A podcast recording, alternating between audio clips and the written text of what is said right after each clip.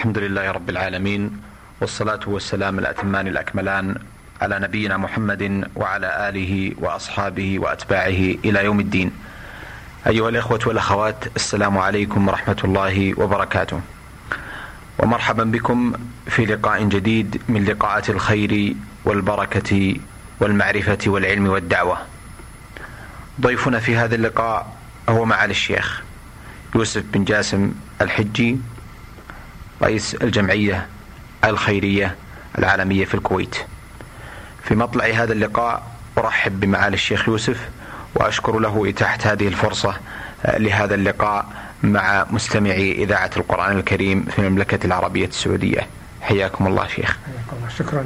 بسم الله الرحمن الرحيم. الحمد لله والصلاة والسلام على رسول الله وعلى آله وصحبه ومن اتبع هداه. وبعد يسرني أن ألتقي مع الأخوة في إذاعة المملكة العربية السعودية في الرياض. وأبدأ بأن مكلمكم يوسف جاسم الحجي من الكويت. نبلغ من عمر 75 عاما. وقضينا عمل شبابا أو بدأنا بالتعلم في المدارس العادية الابتدائية وغيرها وتدرجنا في الوظائف من وزارة الصحة إلى وكيل وزارة الصحة وبعد ذلك تقاعدنا والتحقنا أيضا اخترنا كوزير الأوقاف والشؤون الإسلامية قبل في عام 1976 وبعد أربع سنوات تركنا الوزارة وابتدأنا في العمل الخيري الذي كان بإنشاء جمعية اسم جمعية الشيخ عبد الله النور الخيرية وكنت رئيس مجلس إدارتها. بدأنا بجمع التبرعات لأعمال الخيرية في الداخل وفي الخارج في مد المراكز الإسلامية والمناطق المحتاجة في آسيا وأفريقيا بالمساعدات وبناء المساجد والمدارس والمستشفيات.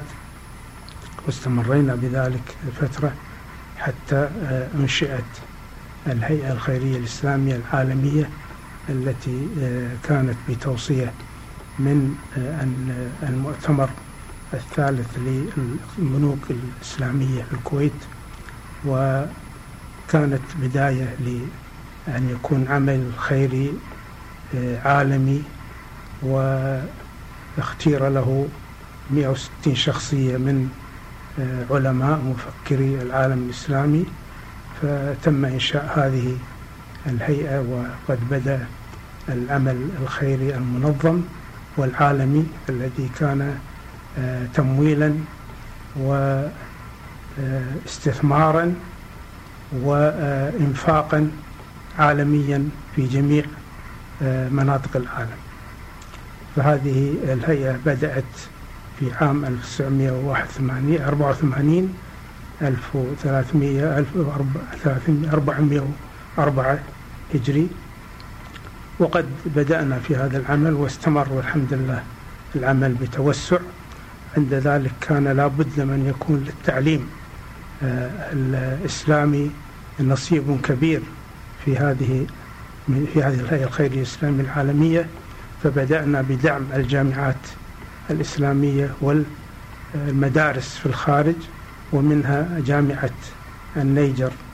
الإسلامية التي أنشئت بقرار من منظمة المؤتمر الإسلامي وكذلك جامعة أوغندا الإسلامية التي أنشئت بنفس القرار. فاخترنا أن نكون أعضاء في مجلس الأمناء وأخيرا رئيس مجلس أمناء أوغندا. وفي هذه الرحلة التي أتينا بها إلى الرياض كنا بدأنا بناء على قرار المجلس أمناء الجامعتين. بتكوين وقفية لكي تصبح هاتين الجامعتين باكتفاء ذاتي من أن تكون محتاجة إلى الدعم الخارجي والتي كان دائما يصيبها بالعجز المالي سنويا. ولذلك فأن هذه الجولة التي بدأت بالكويت والآن نحن في المملكة العربية السعودية وسننتقل إلى آخر دول الخليج لنفس الغرض.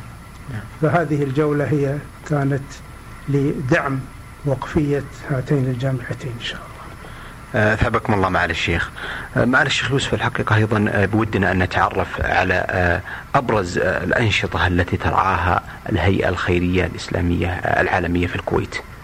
الحمد لله أن الهيئة الخيرية الإسلامية العالمية قطعت شوط كبير في أولا في مساعدة المنكوبين في الكوارث ومنها بنغلاديش والسودان والبوسنة والهرسك وألبانيا وكوسوفا مناطق أخرى أصيبت بكوارث طبيعية وكذلك أفغانستان والصومال ومناطق أخرى كان حصابها الجفاف أو الكوارث سواء آه، الكوارث الطبيعية أو الحروب واللجوء اللجوء من قبل آه، القوات المعتدية على الشعب الذي يشرد وتقوم هذه الهيئة بتقديم مساعدات بتعاون مع الهيئات الخيرية الإسلامية والدولية أيضا وأيضا أنشئت في الكويت لجنة اللجنة المشتركة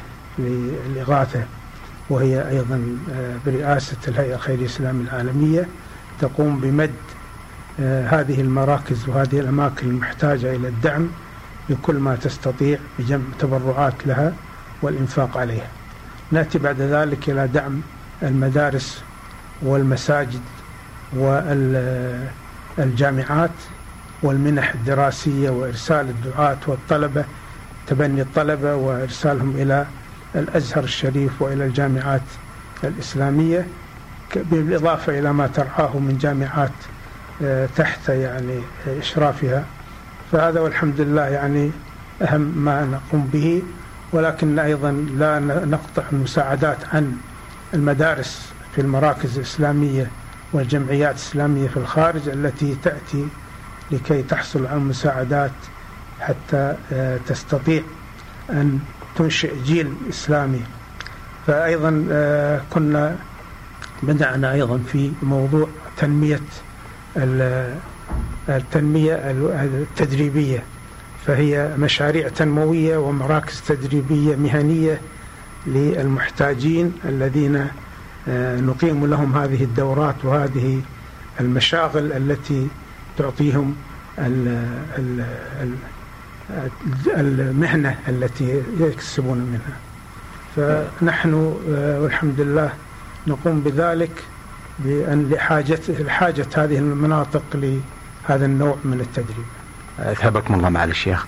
أيضا بودنا أن نتعرف على آه، نقطة مهمة وهي هل يوجد هناك تعاون أو تنسيق بين الجمعيات والمنظمات آه، الخيرية الإغاثية والدعوية منها آه، بحيث يتم آه، تنسيق وترتيب معين آه، على بعض المشاريع التي حتى لا يحصل ازدواجية أو تضارب فيها سواء كان ذلك من الجمعيات الخيرية العاملة في الكويت أو خارج الكويت كهيئة الإغاثة الإسلامية العالمية في المملكة العربية السعودية أو الندوة العالمية أو غيرها من الجهات الخيرية الدعوية العاملة النشطة في المحيط الإسلامي. نعم. اتفقنا في أحد الاجتماعات قبل 12 سنة في مجمع البحوث آه، في الأزهر الشريف وتكونت فكرة لإنشاء المجلس الإسلامي العالمي للدعوة والإغاثة.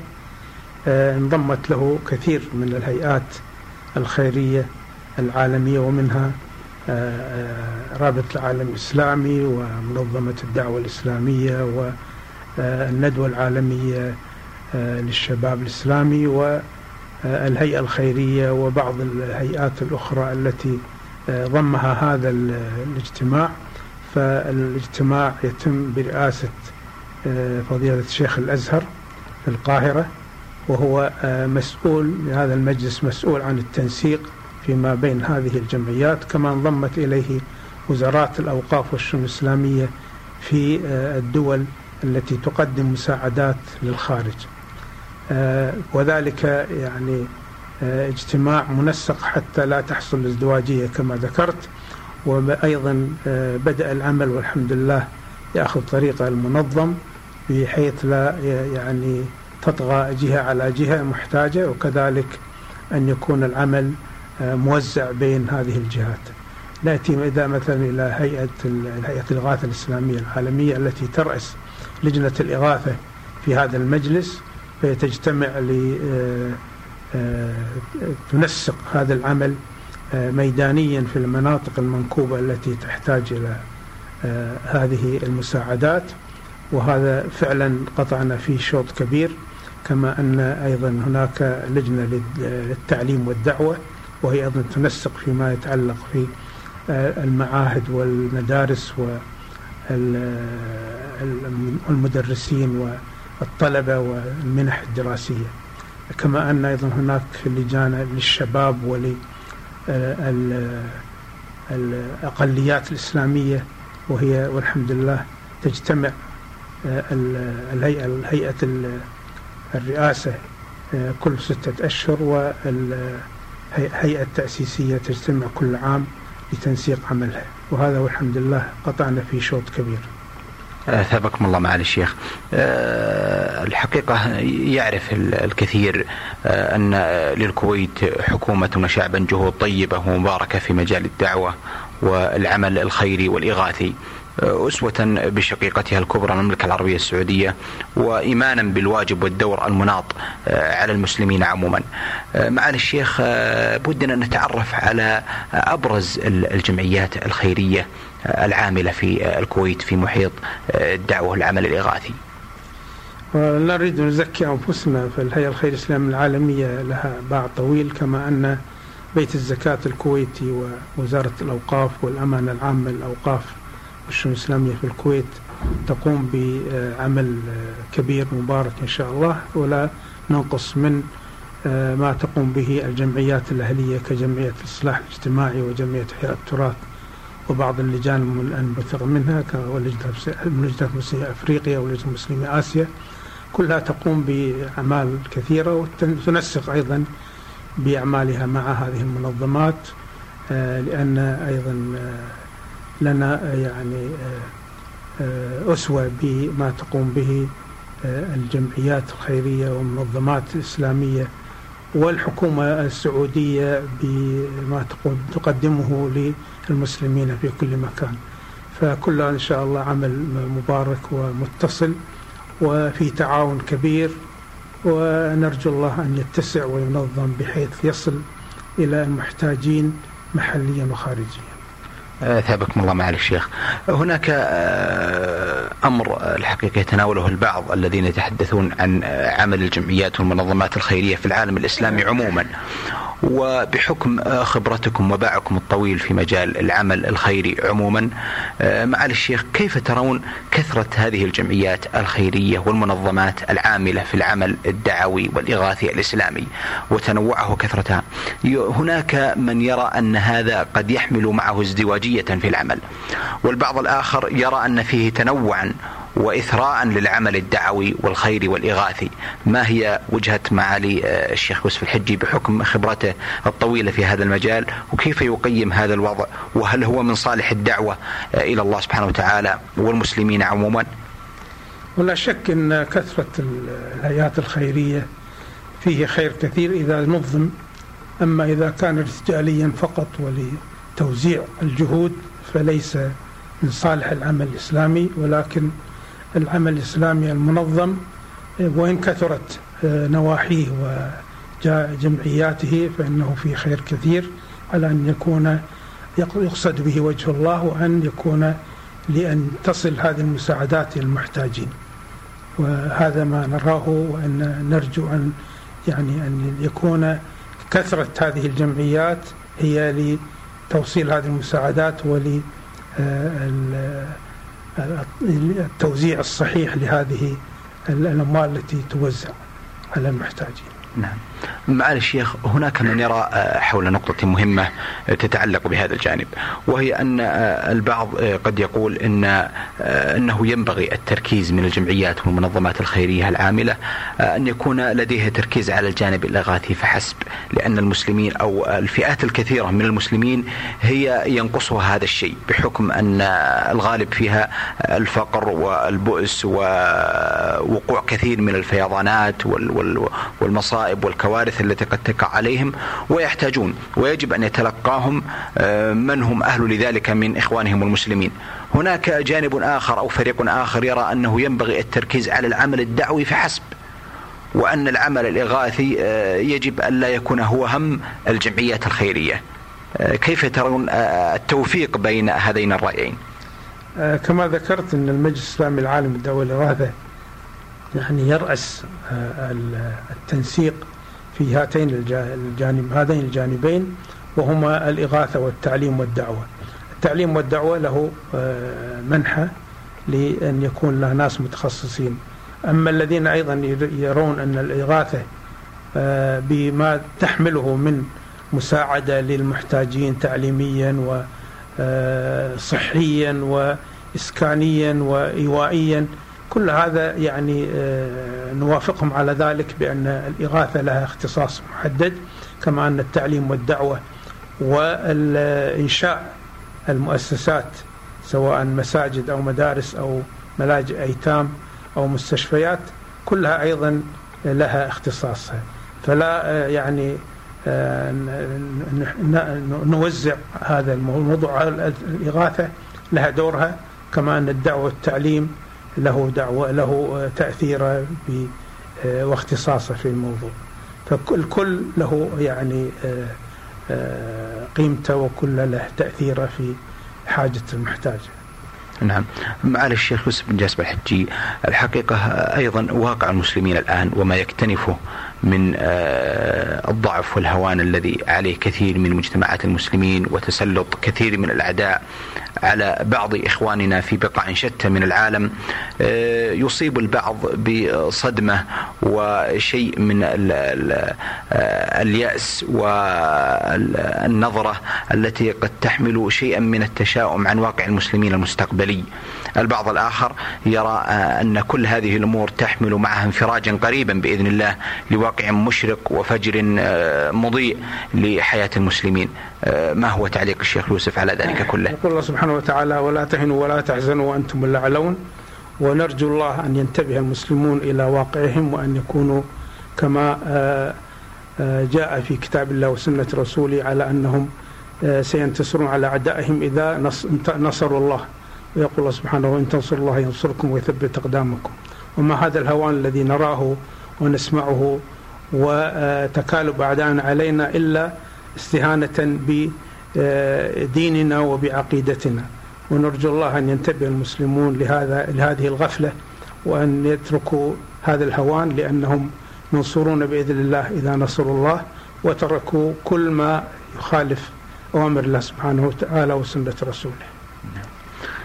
معالي الشيخ أيضا بودنا ان أن آه، نسمع منكم كلمة طيبة مباركة آه، إلى المسلمين عموما بهذه المناسبة حول الواجب والضرورة الملقاة على عاتق كل مسلم ومسلمة نحو الدعوة إلى الله سبحانه وتعالى وتقديم العون والمساعدة للمسلمين المحتاجين حيثما كانوا كل بقدر استطاعته وإمكانياته.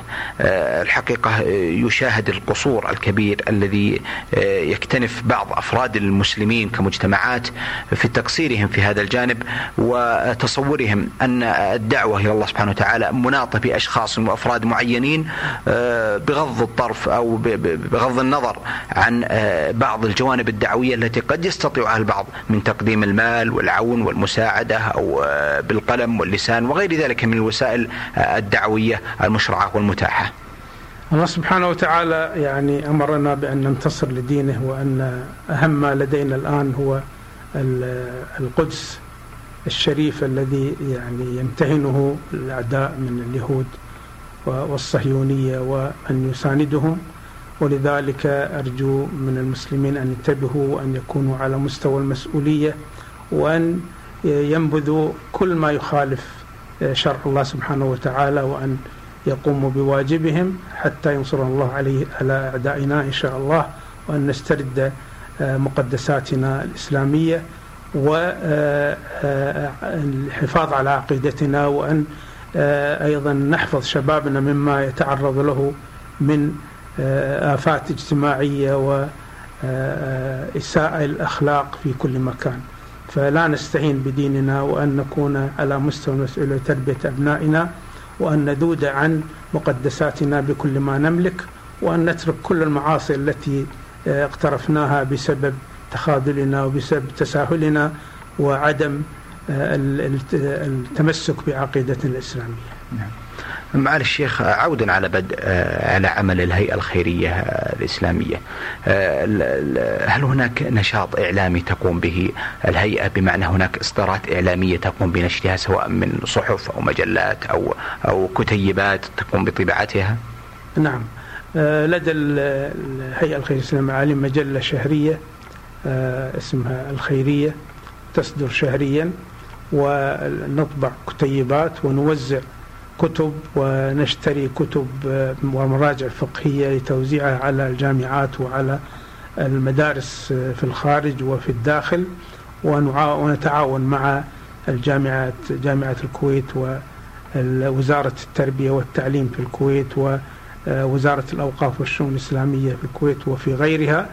ونتعاون أيضا في توزيع هذه الكتب في عدة مجالات. آه، ومنها أيضا الكتب التي تطبعها الهيئة وما تشتريه أيضا من كتب وما تحصل عليه من كتب فقهية تساعد آه، الإخوة المحتاجين في كل مكان.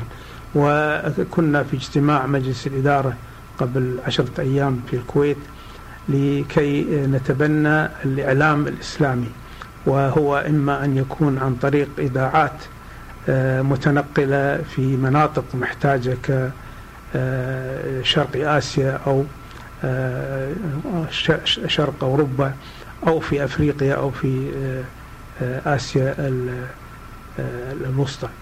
لذلك ف يعني نحن بدأنا في إنشاء بعض الإذاعات بتأجير بعض الساعات للدعوة الإسلامية والإعلام بما يعني يقوم به لنشر الدعوة. هو إعلام يعني مطلوب من هذه الهيئات التي لها إمكانياتها.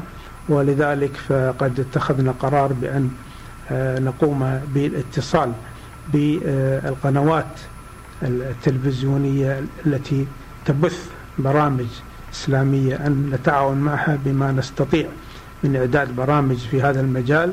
ومنها يعني قناة إقرأ الخيرية التي بدأت في المملكة العربية السعودية وفي غيرها. وهناك أيضا هذه القنوات محتاجة إلى أن تملأ ببرامج إسلامية وقد عقدنا العزم إن شاء الله بأن نقوم بذلك حتى نوصل دعوة الإسلام إلى العالم كله. ثابكم الله معالي الشيخ. أيضا آه، الهيئة الخيرية الإسلامية العالمية في آه، آه، الكويت هذا النشاط الطيب المبارك لها هل يوجد لها مكاتب رسمية مقررة في بعض الدول خارج الكويت؟ نعم هناك عدة مكاتب منها ما يخص الهيئة بصورة خاصة ومنها ما يخص اللجنة الكويتية المشتركة للإغاثة ففي جيبوتي وهي تقوم ب دعم الإخوة في الصومال ومساعدة آه، الصومال عن طريق آه، جيبوتي وكما أن في أوغندا هناك مكتب كبير للهيئة في آه، كمبالا وأيضا فيه له مشاريع كبيرة وكذلك في نيجيريا في مكتب كبير هناك كما أن أيضا في النيجر هناك مكتب بالإضافة إلى تعاونه مع الجامعة. مكتب كبير يقوم بمشاريع كثيرة كما أن هناك مكتب للجنة الكويتية المشتركة في آه، البوسنة والهرسك وكذلك مكتب كبير آه، في ألبانيا وفيه آه، مطبعة ومعهد ومركز تدريب مهني كما أن أيضا في بشاور هناك مكتب ومستشفى تديره الهيئة الخيرية الإسلامية العالمية مع اللجنة المشتركة. وكذلك في بنغلاديش وفي الجمهوريات الإسلامية في شرق آسيا تقوم به لجنة مسلمي آسيا بمكاتب كثيرة منها في قزاخستان وفي أوزبكستان وفي موسكو وفي أذربيجان مكاتب لهذه اللجنة تقوم بنشر الدعوة فيه وتقديم ما يمكن تقديمه للمحتاجين هناك. ثابكم الله معالي الشيخ. أيضا بودنا أن نتعرف معالي الشيخ على نقطة مهمة وهو أنكم تفضلتم بذكر أنكم تقومون, تقومون هذه الأيام بجولة تهدف إلى إيجاد وقفية لجامعات إسلامية موجودة في أفريقيا وهو جامعتي أوغندا والنيجر. كيف تتلقى الهيئة الخيرية الإسلامية العالمية في الكويت الدعم وكم وما هي أوجه استقبال هذه التبرعات؟ وهل لديها وقفية أيضا محددة تستطيع من خلالها الاستمرار في عملها؟ وعدم التأثر بالأوضاع الاقتصادية والمالية التي تكتنف بعض الأوقات الدول أو الأفراد والمجتمعات؟ الهيئة الخيرية الإسلامية العالمية نشأت على أساس يكون لها تستثمر الأموال التي تحصل عليها من صدقات ودعم لتستثمره وهذا يعني ما بدأنا به ولم نحصل طبعا على المال المطلوب الذي يجعلنا أن ننفق من هذا الوفر للمحتاجين في العالم. ولكننا الحمد لله يعني توصلنا إلى بعض المساعدات التي أنشأنا فيها صندوق استثماري كرأس مال نستثمره وننفق من عائده. كما أننا أنشأنا وقفيات لطالب العلم ووقفية لليتيم وقفية للتدريب المهني ووقفية للأضاحي. كل هذه بدأنا بها واستمرينا فيها. أما فيما يتعلق في وقفيات الجامعات الجامعتين في أوغندا وفي النيجر فهذا قرار من مجلسي الأمناء قره وبدأنا بهذه الجولة. ويعني نشيد بما قام به خادم الحرمين الشريفين بإنشاء مجمع على أرض سلمت للجامعة من قبل الحكومة الأوغندية في داخل كمبالا. وقد بدأ المشروع الآن الحمد لله في طريقة إلى الاكتمال. وقد تبرع به بخمسة ملايين دولار لهذه الوقفية لجامعة أوغندا. وما قام به قامت به الأمانة العامة للأوقاف بإنشاء وقفية للجامعتين أيضا. ما قمنا به في أول زيارة لنا أن ندعم هذا التوجه بما نجمعه من أهل الخير في الكويت. والآن أتينا هنا لأن نجمع هذا الوقفية بما يعني يصلح سواء كان عقارا أو مالا. حتى عندما تنتهي الجولة من في في قطر وفي الإمارات وفي بعض المناطق الأخرى نأتي أخيرا ونتفق على كيف نقيم هذا الوقف حتى يستمر لدعم هاتين الجامعتين أثابكم الله معالي الشيخ. في ختام هذا اللقاء هل لكم من كلمة أخيرة؟ نسأل الله أن يوفقنا جميعا وأن نجعلنا في يعني من الذين يستمعون القول فيتبعون أحسنه وأن نكون عملنا يكون عملنا مخلصا لله سبحانه وتعالى اللهم آمين. أيها الإخوة والأخوات كان هذا اللقاء هو مع معالي الشيخ يوسف بن جاسم الحجي رئيس الجمعية الخيرية الهيئة الخيرية الإسلامية العالمية في الكويت وأحد الدعاة البارزين الذين لهم مجهودات واسعة ونشطة في العمل الدعوي والإغاثي في العالم الإسلامي. في ختام هذا اللقاء باسمكم جميعا أرفع جزيل شكري وتقديري لمعالي الشيخ يوسف على قبوله دعوة البرنامج سائلا المولى عز وجل أن يثيبه. وأن يجزيه عن جهوده وعمله خير الجزاء وأن يمتعه بالصحة والعافية وأن يثيب جميع العاملين في حقل الدعوة إلى الله سبحانه وتعالى ويعظم لهم الأجر والثواب. لنا لقاء معكم بإذن الله تعالى في الأسبوع القادم. والسلام عليكم ورحمة الله وبركاته. في موكب الدعوة إعداد وتقديم محمد بن عبد الله المشوح.